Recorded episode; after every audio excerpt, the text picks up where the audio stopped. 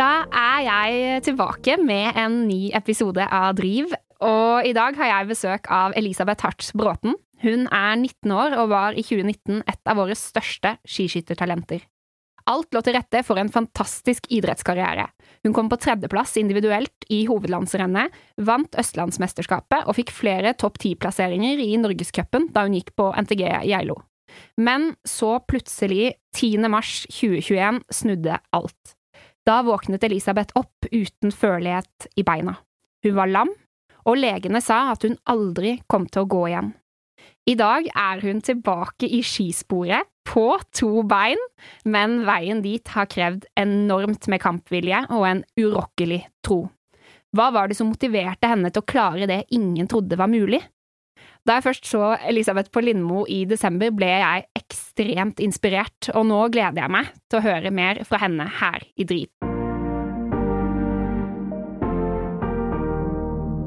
Her sitter jeg altså med Elisabeth Hartsbråten. Velkommen. Takk. Tusen takk for det. Veldig hyggelig å få lov til å komme. Utrolig gøy at du ville komme, ikke minst. Eh, Da jeg så deg første gang på Lindmo, så ble jeg så inspirert. Eh, Og det gjorde søsteren min òg, som satt rett ved siden av meg, som er håndballspiller. Så veldig, veldig gøy. Ja, så bra. Det Ja. er veldig hyggelig å høre. Ja. Du, eh, jeg tenkte å starte med her, et sånn her fast åpningsspørsmål til gjestene mine, da. Ja. Eh, Og i dag er det jo, det er jo veldig spennende å høre fra en idrettsutøver hva som er det beste du kan gjøre eh, for å snu en litt kjip dag til en litt bedre en. Eh, Det kommer jo litt an på, men eh, å være ute på ski, det snur det aller meste, det. Ja. det er ikke overraskende. Nei. Eller å reise en tur til eh, Gommo, som er eh, farmor, da. Eh, Ja. Det snur negative dager til noe positivt. Oi, det var et veldig annerledes og fint svar. Ja, jeg er 90 år, og det kommer mye rart ut av den munnen som, som gjør at dagen Man får litt å le av, da. Skisporet og, og mormor. Eller gommo. Gommo. Ja. Gommo. Ja. Notert. Du, Elisabeth. 10. mars 2021 så fikk du altså livet ditt brått snudd på hodet. Ja. Eh, Da våkna du opp helt uten følelighet i beina.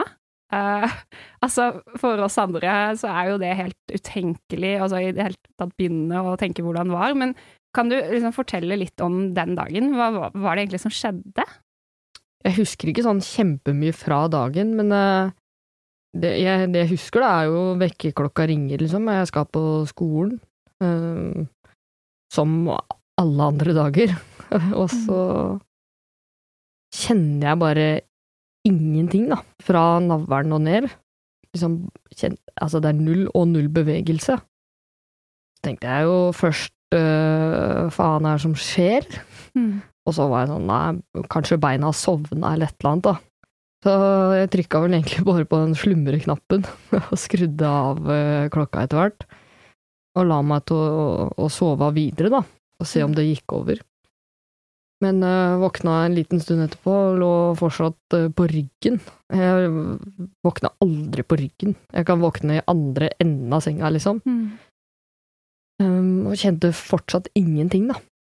Da blei jeg jo redd, for da skjønte jeg at det er jo ikke bare beina som har sovna. Mm. Og, og kjente ingen følelse på hud. Og det var liksom bare dødt, da. Kjentes som du bare hadde overkropp. Du prøvde å bevege på tær, og det var liksom, du bare så ingen Ja, ja. Og løfta opp, og de var bare sånn Ja. skjellige, da. Ja. da. Ja. Så bare Hva gjør jeg nå, da? ja. Hva gjorde du? Jeg ringte til mamma.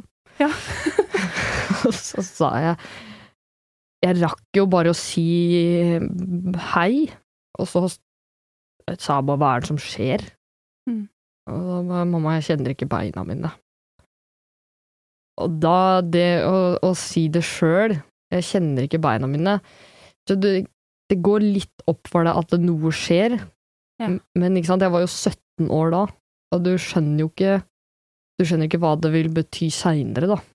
Eller hva som skjer videre. Det var bare beina Jeg kjenner ikke beina mine. Mm. Og da var jo Da var hun liksom to og en halv time unna, da, med bil. Og sa bare Skal jeg komme opp, eller? Så sa jeg men du får ikke gjort noe herfra eller til, du. Jeg må bare bort på legesenteret, da. På Geilo. Og jeg ringte bort dit, og, og kom ned, ned dit etter litt mye om og men om å komme meg bort dit, for det skjønte jeg ikke helt åssen jeg skulle løse. Mm. Men det løste seg med at ei venninne kom og, og hjalp meg, da. Men så var det jo ned på sjukehuset, i, i ambulansen, og da Det husker jeg ikke noe av. Um, og jeg husker ikke noe av dagene etter, eller, eller noen ting. Hvorfor ikke det, da? Gikk det i svart, eller? Jeg veit ikke. Det, det er litt rart, for eh, jeg husker at jeg var i, på legesenteret på Geilo og gjorde noen undersøkelser og sånn. Og så husker jeg på en måte at jeg var i ambulansen. Jeg har kjørt Mm. ambulanse flere ganger, liksom. Så det er rart at jeg ikke husker det, for jeg husker jo de andre gangene. Mm. Men uh, det er vel nå at det bare har blitt sletta, da, jeg veit ikke. Mm. Men jeg husker jo siste dagen på sjukehuset, da. Mm. Det var jo da jeg fikk beskjed at jeg er lam. Ja. Uh, pappa var der, og han sa liksom ja, du er lam, og vi veit ikke om du kommer til å gå igjen. Um, og vi veit heller ikke hva vi kan gjøre for at du skal kunne gå igjen, da. Så det er jo tre dager som egentlig er sletta fra minnet, da. Det, det er jo ikke rart at det, det gikk litt i svart når du måtte Nei. gjennom så mange Nei, og det er liksom alt er nytt, da. Ja. Du må Jeg husker jeg syntes det rareste var at jeg måtte på do, og jeg kjente det jo ikke. Å ja. Du kjente ikke det heller, nei? Nei. Så det var jo noen uhell der, så var, da blei man Da blei man sånn faen, ikke det heller, liksom. Det var egentlig det som var mest kjipt, da. Ja. Mm, Ja, det var det kjipeste, ja. ja, akkurat da Det var litt jeg- pinlig. Ja, det er litt pinlig, for ja. jeg har jo ligget mye på sjukehus før. Ja. Um, men det er noe med den der når du ikke kjenner det, da, så er du ikke klar over at, at du må på do. ja.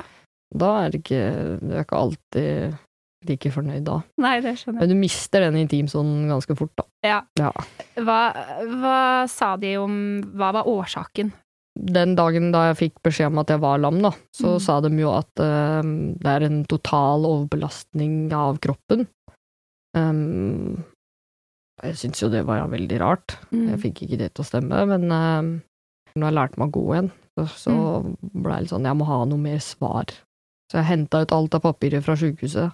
Ja. Så reiste jeg til privat sjukehus og spurte jeg er nødt til å ha svar, for jeg mener at svaret jeg har fått ikke er godt nok. Da viste det seg jo at uh, det skylder en akulykke. Jeg var i ja, det er ganske nøyaktig fire uker før 10. mars, da. Og jeg krasja i 84 km i timen på, Oi. på snowboardracer, eller sånn barnesnowracer. Så fikk jeg en ganske alvorlig hjernerystelse da, og så lå jeg jo på sjukehus. Og fikk beskjed om å ligge inn i seks uker, Mm. men jeg lå jo bare én dag.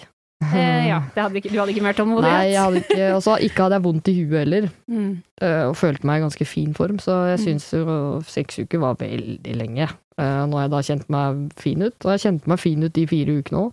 Så det var litt Det er godt å ha det svaret nå, da. At Mm. det var, var det. Etter dette her, de fire dagene på sykehuset, ga de deg noen øvelser eller noe som helst som kunne gi håp om at eh, opptreningen kunne føre til bevegelse etter hvert? Nei, Nei. de sa bare De skrev meg ut, og vær så god, her er en rullestol. Mm. Det var det jeg fikk. Ja. Ingenting, altså. Du føler deg jo ekstremt hjelpeløs. Du har aldri sittet i rullestol, Ja. og så plutselig så må du sitte der, for du kan jo ikke gå. Men disse øvelsene som du har gjort, for det har jeg jo fått Mm. med meg, at du har gjort noen øvelser. Mm. Og de regnet jeg jo med at du fikk fra legene, men de har du fått et annet sted, eller har du henta de ut fra eget hode? De eller? er funnet fra eget hue, ja. Er det sant? ja. ja, jeg fikk det bare for meg. Um, noen dager etter at uh, Jeg må jo prøve noe, liksom. Du blir jo litt desperat. Um, så sjøl om du får beskjed om at du skal sitte der, så, så blir det sånn Hva kan jeg gjøre, liksom? Um, så da jobba jeg helt ifra tåa og helt opp til magen, Ja. og så for meg, da, litt sånn visualisering, egentlig. Ja. um, at jeg stramma og bøyde tåa, for eksempel, da. Ja. Eller stramma låret. Uten Ja. at det skjedde noe. Mm. Men jeg bare Det gjør jeg, liksom. Og så blei jo det til slutt bare en vanesak å gjøre. Mm. Og da gjorde du det hvor ofte? Hver dag. Ja. En gang om dagen, da. Mm. Fordi det tok jo litt tid. Og hvor lenge holdt du på med dette her? 14 måneder. 14 måneder med å ikke se noe som helst tegn på bedring? Mm. Nei, men eh, jeg begynte mm, Begynte i eh, desember, da, Mm. 2021. Så ringte jeg til gamletreneren min, um, Christian Bakke, som, Mm. som er gründer av et sånn feelgood-senter, heter det. Mm. Um, hvor det er eh, maskiner. Det er jo et treningssenter, Mm. men um, det er liksom maskiner som gjør bevegelsen, og så tar du i så mye du bare vil, da. Så jeg spurte jeg om jeg kunne få lov til å, å prøve det. Og da var jeg jo egentlig målet mitt bare for å få mer blodsirkulasjon, fordi det hadde jeg jo veldig lite av. Og da gjorde jeg jo også den her visualiseringa der, da. Så da satt du faktisk på en, eksempelvis en sykkel, da, Ja. og, og hadde fortsatt ikke noe følelighet i beina, Nei. men du visualiserte rett og slett at du brukte pedalene. Ja, For det er jo motor som gjør at de går rundt. Ja. Um, og da Jeg visste jo at det ikke var jeg som gjorde det, men Ja. um, da på en måte jobba jeg litt mer med at uh, det er jeg som gjør det, og, Mm. og sendte ut så mye signaler jeg bare kunne da, til de nervene.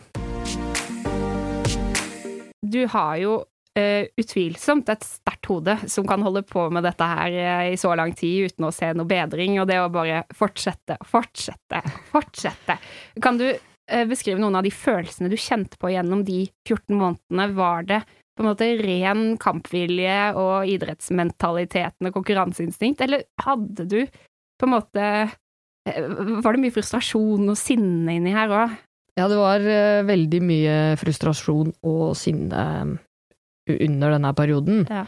Um, jeg var jo på et rehabiliteringssenter den våren 2021. Um, følte egentlig bare det var motgang. Um, de backa ikke på noe av det jeg sa eller mente på ting, og blei jo egentlig mer uvenn med dem enn venn, Mm. og følte at det var ikke noe hjelp, i hvert fall. Og det er jo når de for eksempel sa at idrett, det må du bare slutte med, det er teit, liksom. Og Mm. da er det sånn, hva, hva er det å si? Men så var jeg litt sånn, ja, da får de mene det. Vi trenger ikke å ha noe mer hverandre å gjøre. Nei.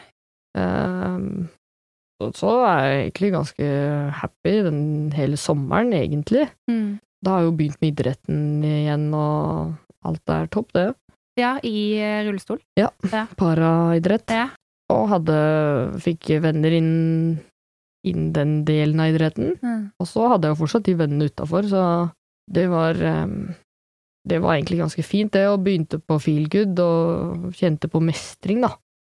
Men um, i mars 2022 så fikk jeg den, en, en skulderskade Mm. som um, Ja, jeg datt jo ut av en skiheis uh, og hang fast uh, i sitski, så det var jo nærmere 90 kilo, da, som jeg hang fast i én arm. Mm. Så det meste som er å ødelegge i en skulder, det klarte jeg å ødelegge da, da. Um, det som er rart, er at det var nesten mørkere da enn når jeg ble lam.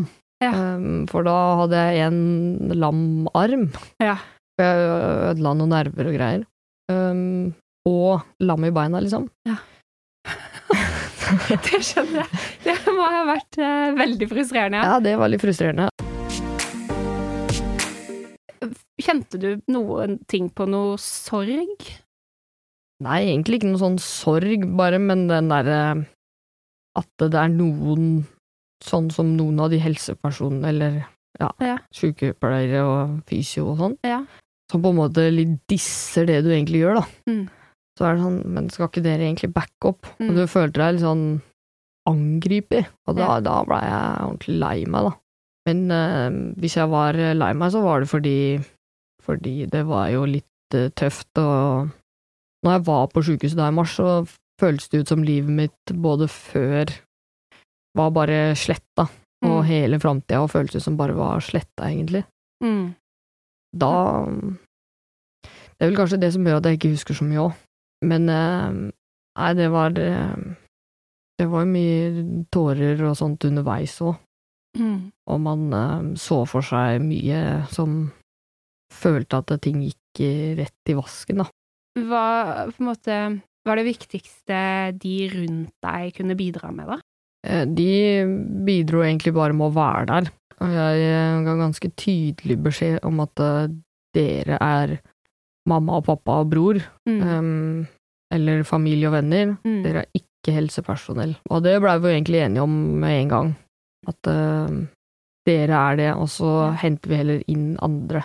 Så da var jo på en måte familie og venner, eh, og spesielt da mamma og pappa Ja. og, og storebror, mer sånn støttespillere, og som vi De var der bare, da Mm. eh, under hele perioden, og Det var jo egentlig fint, du veit at de er der alltid. Mm. Det var jo sikkert også noe som eh, klarte å holde ting litt normalt, og at du klarte å på en måte akseptere litt den nye situasjonen og det, nye livet du Mm. hadde da i rullestolen nå. Ja, for jeg godtok situasjonen, men jeg aksepterte aldri beskjeden fra sykehuset. Jeg mener at det er ganske vesentlig, eller stor forskjell, da, Mm. å godta en situasjon og akseptere en beskjed. Ja, for du sier jo for Lindmo, dette her er et av de sitatene fra deg som jeg virkelig har festa seg i meg. Altså, dette er jo på tanken om det å bli parautøver. Du sier at det er jo ikke et dårlig liv. Nei. Og så at liksom sånn var situasjonen da, så da måtte du finne deg i det. Mm.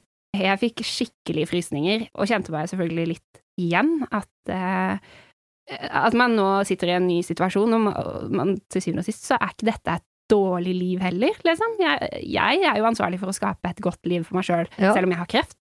Men du var bare 17 år, Ja. og det virker som du kom til den konklusjonen veldig fort. Og det å akseptere en sånn situasjon, ikke beskjedene, men du aksepterte situasjonen, det, er jo, det er jo kjempevanskelig å se for seg at går an. Men hva var det som gjorde at den situasjonen her var noe du på en måte kunne leve med? Nei, det var jo egentlig mm, Jeg har jo et foredrag som heter Natta da alt snudde, Ja. og det var jo en natt i mm, Det var noen uker etter jeg kom hjem fra sykehuset. Mm. Um, altså, fram til da, da var alt mørkt, da. Det var bekmørkt. Jeg var, det eneste jeg gjorde, var jo å ligge i senga. Og jeg ligger aldri i, i senga eller noe sånt uh, lengre tid, det klarer jeg ikke. Um, på en måte lå og gråt, sov ikke, møtte ikke folk, ingenting, da. Og så Jeg husker jo den natta kjempegodt. Jeg lå og gråt og gråt og gråt og gråt. Og så på klokka klokka halv fire på natta. Så sto jeg opp og henta penn og papir.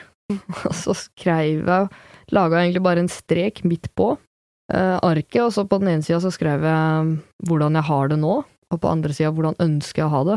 Ja. Og da på den ene sida hvor det står da hvordan jeg har det nå, så sto det på en måte gråting, masse gråting, Mm. møter ikke folk, spiser dårlig, dårlig søvn.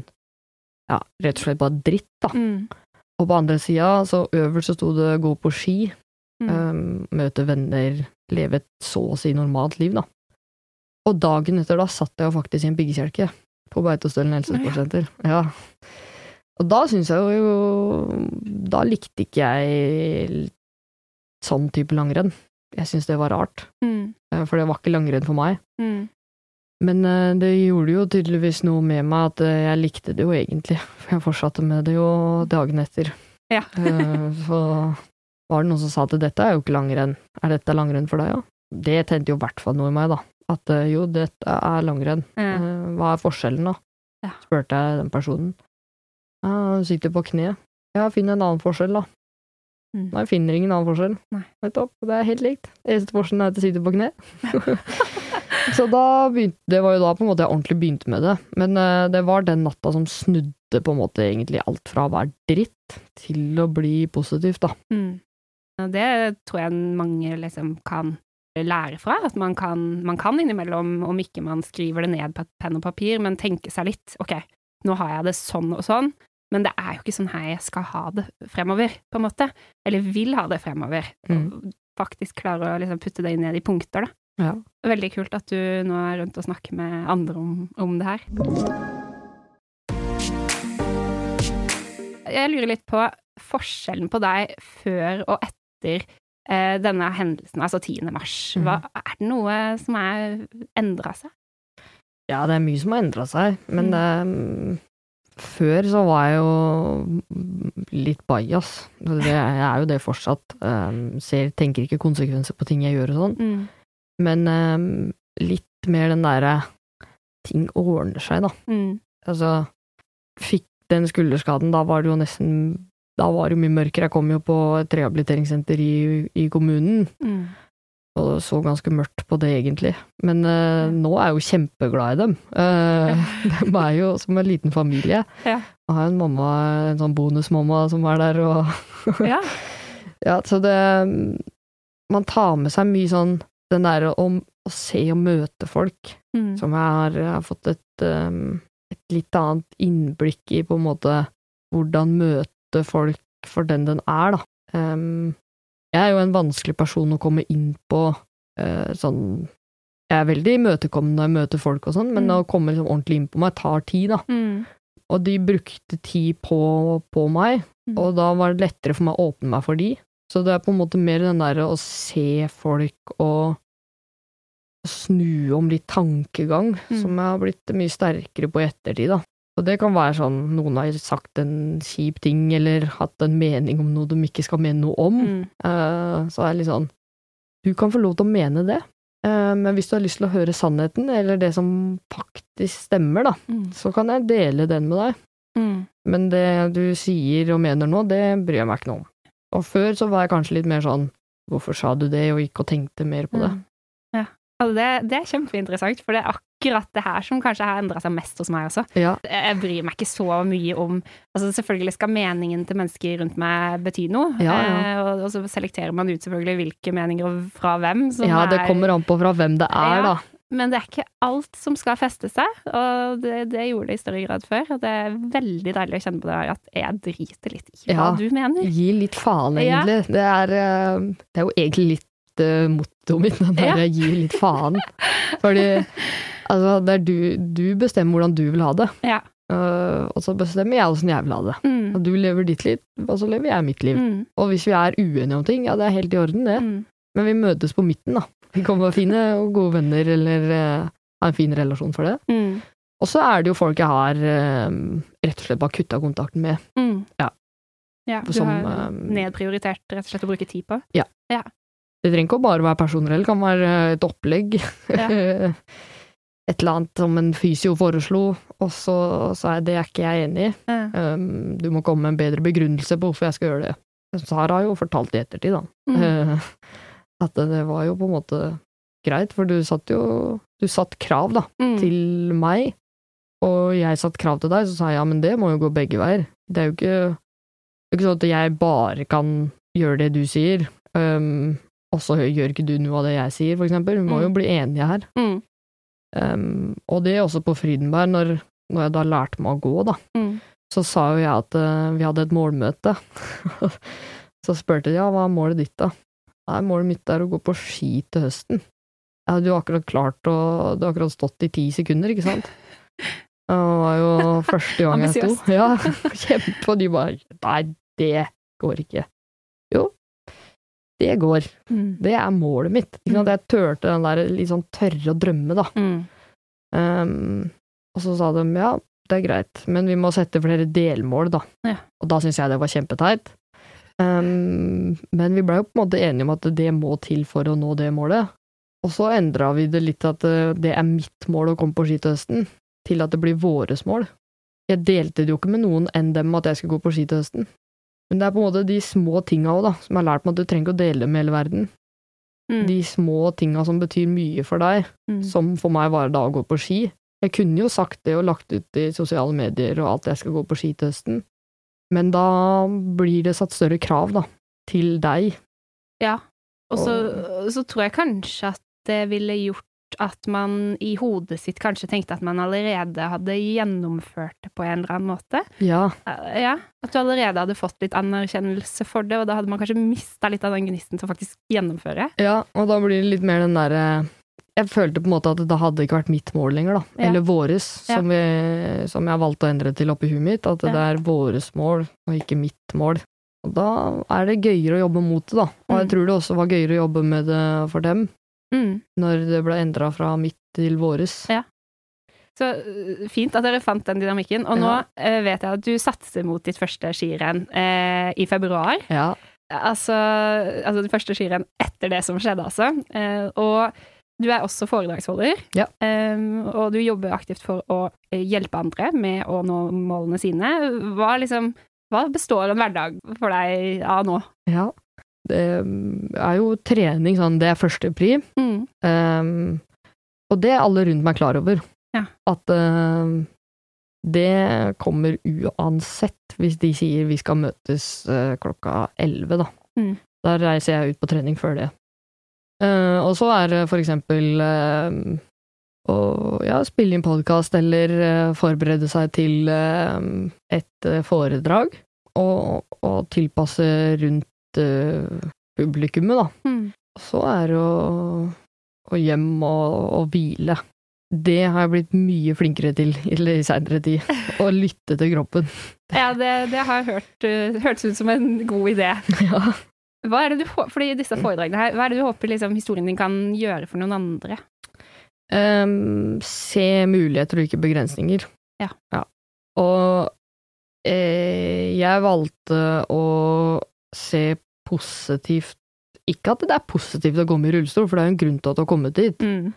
men at uh, livet endrer seg, det gjør det for alle. Mm. At noen sagt til meg når jeg var uh, 16-17 år at uh, det kommer til å se noe sjukt i livet ditt, liksom. Om, du er, om det er deg, eller om du er pårørende. Ja. Det, nei, det, det stemmer ikke. Men eh, jeg ser jo nå at eh, alle kommer til å oppleve et eller annet. Om det er med deg sjøl eller pårørende rundt. Ja. Og det er liksom, hva kan du bruke av hva jeg har lært i mine erfaringer, da? Ja. Hva kan vi få til for at du skal takle den situasjonen bedre? Mm. Og vise at ting skjer. Ting skjer. Mm, For alle. for og det, alle. det er derfor jeg på en måte, jeg ler litt innimellom når du snakker, for det bare det stemmer så liksom til punkt og prikke. Det er sånn, ja, så alle opplever et eller annet i livet Mm. sitt, og det er ikke alle som skal liksom få kreft eller bli lam. Altså, det ikke, skal ikke være Nei. så voldsomt for alle. Nei. Men så er det det for noen, og så er det så fantastisk når eh, mennesker som deg kan gå rundt og prate om dette her og se muligheter istedenfor begrensninger, og jeg blir så glad av det. Ja. Men sånn, hvor kommer dette mindsettet fra? Er det fra idrettsbanen, tror du, eller fra familien din, eller hva er det? Eh, Nei, det veit jeg egentlig. Jeg tror det er helt sikkert fra idretten. Ja. Um, og kanskje bare sånn sånn jeg er, da. Og det der som jeg gjorde, på en måte, hvor er jeg nå, da? Jo, jeg ligger i senga og er dritlei meg, Mm. men hvor vil jeg? Og jeg vil ut og være med venner og gå på ski i rullestol, det er helt ok. Men hva kan jeg gjøre for å nå det målet? Og, og hvem kan jeg spørre eh, om hjelp for å nå det målet? Det trenger Mm. ikke å være eh, fagpersoner, det kan være en venn, Mm. eller en trener, som jeg gjorde, en gammel trener, eller Det er jo Ja. samme hvem det er, men én positiv ting i hverdagen, på en måte, Ja. som eh, jeg hadde Det var det som gjorde at dagene blei litt ålreit, da. Når jeg la meg på kvelden, så var det hva har vært positivt i dag? Og det, det er veldig mange som snakker om sant, det her positivitetstyranniet, og at man alltid skal liksom Alltid finne det positive. Men hva har du å tape på å lete, iallfall, da? Sånn, prøv å finne Ja. noe positivt. Ja, eller ring til noen, da. Ring til en besteforelder, Ja. og fortell hva du har gjort i dag, eller spør hva den har gjort. Mm. Det trenger ikke å være så mye. Nei, det trenger ikke å handle om deg selv heller. Du kan faktisk få en morsom historie Ja. det er besteforelderen din, eller Ja. eh, søsteren, eller venninne. Ja, det er samme hvem det er, Ja. men når du legger deg om kvelden, hva har vært positivt i dag? Da finner du den tingen, altså. Mm. Når du, når jeg sleit med å finne det i starten, det er jo lov det å slite med noe i starten når du begynner med noe, men ikke gi opp da. Nei. Den der litt å aldri gi opp, da. Det- prøv litt først. Prøv litt først. Du nevnte jo også, det var så, så vidt når vi hilste på her, når du kom mm. inn døra, at du, du har brukt mye humor også, sammen med både familie og venner, vil jeg si, eller vil jeg tro, gjennom både opptreningsperioden og, og kanskje også nå i ettertid. Det er Ja. kanskje ikke falt bort. Nei, det går ikke bort. Hva har humor betydd for deg, og hvordan har dere brukt det? Alt har det betydd, egentlig. Det var noe vi begynte med med én gang. Mm. Det var egentlig storebroren min som begynte med det. Vi har veldig nært forhold, da. Um, og så sa han hva, du kan jo ikke gå, eller kan du gå og hente det? Spurte for eksempel pappa, gå og hente. Ha, du kan ikke gå! Og jeg bare, faen altså. Men så har vi egentlig bare dratt det med oss, da. Ehm, og det kan jo være litt gøy for eh, meg som person å tulle med det med andre. Mm. Eh, hvis folk sier eh, 'ja, åssen går det?' Nei, kan ikke gå så gå jævlig dårlig. Eh, og da blir jo de liksom satt ut med en gang, Ja. men så skjønner de at jeg tuller med det. Mm. Og da er det lettere for de rundt da, å se at eh, det er faktisk lov å tulle med det. Du Mm. kan ikke være seriøs til enhver tid. Og det er ting man tuller med, og det er ting man ikke tuller med. Men det er veldig mange som skjønner den grensa. Mm. Um, I hvert fall jeg har opplevd. Ja. Men uh, den derre det her Det er lov å tulle med. Ja. Og Og når jeg tuller med det, så begynner andre å tulle med det, og da gjør det situasjonen enklere for de rundt å være rundt meg, da. Ja. Og spørre om ting, og, og snakke om deres problemer, kanskje, og den Ja. tinga. Ja. Og jeg var ganske åpen med en gang Mm. um, om hva som har skjedd, Ja. til alle.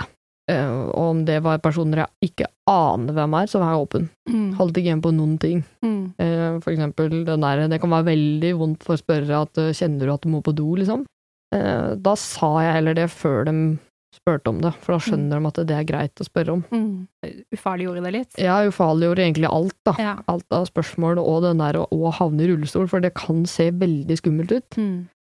Og jeg skjønner jo det. Jeg, jeg satte meg jo inn i situasjonen til de rundt, da. Hva hadde jeg gjort hvis jeg hadde hatt en uh, i familien som kom i rullestol? Mm.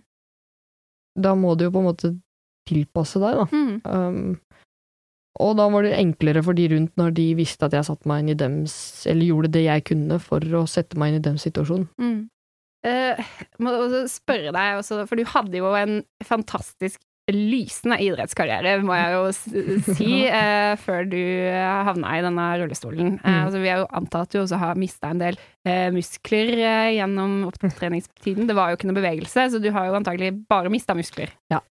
Hvordan, hva er målene dine nå? For nå skal du jo i skispor igjen. Altså, hvordan, hvordan ser det ut for deg? Sånn fremtiden Idrettsmessig? idrettsmessig, men også hva er drømmene dine fremover? Ja. Nei, sånn idrettsmessig så er det å se hvor langt kan jeg komme med den, det som har skjedd. Ja. Både med å være lam Mm. og, og skuldra. For den blir liksom aldri helt bra, da. Mm. Men hvor langt kan jeg komme med den historien, på en måte, da? Innen idretten. Mm. Og så føler jeg at jeg lever to liv. Jeg lever ett idrettsliv, og så lever jeg ett uh, litt ikke helt A4-liv, da. Mm. Det er mye reising og, og sånt. Men det er det mer den der ufarliggjøre sykdom og sykehus og ting skjer. Du er eh, 20 år nå, liksom. Mm. Eh, Du går på skole, og livet ser egentlig fantastisk ut, Mm. men det kommer til å skje noe. Hva kan du lære? Hva kan du bruke da? Egentlig det som er eh, litt målet, da. Ja. Og, Håper du å kunne leve av det, i tillegg til på en måte skikarrieren? ja, det er jo Det er jo ting som, og du også har jo opplevd det, at det er jo det er jo erfaringer, du finner ikke det i en lærebok. Og det, det er jo noe jeg mener alle har noe å lære av. Eh, Du sier jo litt at det motiverer deg å se hvor langt du kan komme med den historien du har Mm. innenfor idretten i, i Norge. Eh, Er det noe annet som motiverer deg? Har du noe forbilde, eller ja? Hva motiverer deg, liksom? Hva som motiverer meg, det er jo at de rundt meg blir fornøyd. Det motiverer meg jo. Men eh, det, jeg har egentlig ikke en sånn kjempe sånn forbilde, og dit jeg, Nei. liksom. Eller den ser jeg opp til, da. Mm. Jeg har ingen sånne, men eh, da er det kanskje flere personer, da, som, eh, som jeg relaterer meg til. Det kan være idrettsutøvere som har vært uh, skada, eller som Ida Lien, som er fra samme klubb, som Mm. har hatt litt operasjoner eh, uten at Jeg, jeg veit jo ikke så mye om det, men litt den der du kommer tilbake, da. Det, bare aldri gi opp. Mm. Og så har jeg noe sånn utafor òg. Så jeg husker jeg så en dokumentar på NRK som heter Da vind snudde. Ehm, han var jo en fallskjermulykke og blei lam. Mm. Han går jo nå. Og, og under opptreninga, jeg, jeg tror jeg har sett den dokumentaren eh, sju ganger eller sånn, jeg. Ja. Ivrig. ja. Bare for liksom Ja, han klarte det, liksom. Han ga aldri opp, da. Ah, Han satte krav til de som hjalp ham med å komme opp på beina, og han satte krav til de rundt seg, og de satte krav til han. Mm. Det motiverte jo meg, og var jo enklere for meg, for da har jeg noe å forholde meg til, da. Mm. Hva sa du den het, den dokumentaren? Da vinden snudde. Da vinden snudde? Mm. Ja, sjekk ut. Ja, det må du se. Det anbefaler jeg. Ehm, du, helt til slutt, nå skal vi snart runde av. Jeg er sikker på at vi kunne holdt på her. Ja. eh, Vi har masse å snakke om, Ja. Men har du noen råd, sånn helt konkrete råd, til noen som skal komme seg på beina? Ja. Overført betydning, men også her, eh, bokstavelig talt. Ja. Nei, øh, ha en positiv ting i løpet av dagen. Mm. Hva er den positive tingen? Mm. Uh, når du legger deg om kvelden, det var positivt. Mm. Og den derre sett krav til de rundt deg, og la de sette krav til deg. Vær åpen, men ikke for åpen. Uh, del hva du ønsker og sånn, men trenger ikke gå i detaljer på ting. rett og slett gjør ting som du syns er er ålreit, da. Mm. Eh, så for meg var det idretten, men for noen kan det være strikking, ikke sant. Mm. For meg er det samme hva du driver med, bare så lenge du har én sånn, litt sånn fristed, da. Mm. Og det må jo ikke være noe du gjør hver dag. Jeg var jo ikke drev med idrett hver dag, jeg heller.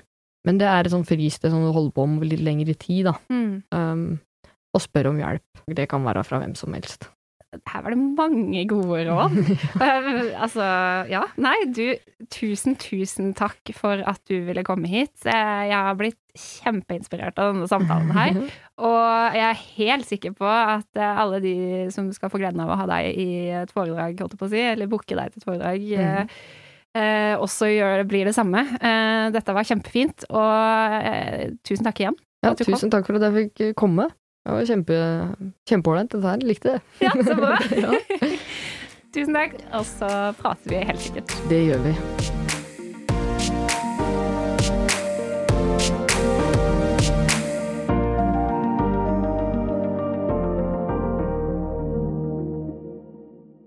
Der er dagens episode av Driv rundet av, og jeg glemte selvfølgelig å ønske Elisabeth lykke til med skikarrieren videre. Det fikk jeg gjort før hun løp ut døren her. Hvis du likte dagens episode, så må du gjerne trykke følg på Driv podkast der du lytter til podkast. Du kan også følge med i sosiale medier, komme med feedback, ris, ros, andre tilbakemeldinger. På Instagram heter jeg Maren WJ. Jeg gleder meg til å høre fra deg. Og så snakkes vi igjen veldig, veldig snart. Tusen takk for at du lyttet. Vi høres.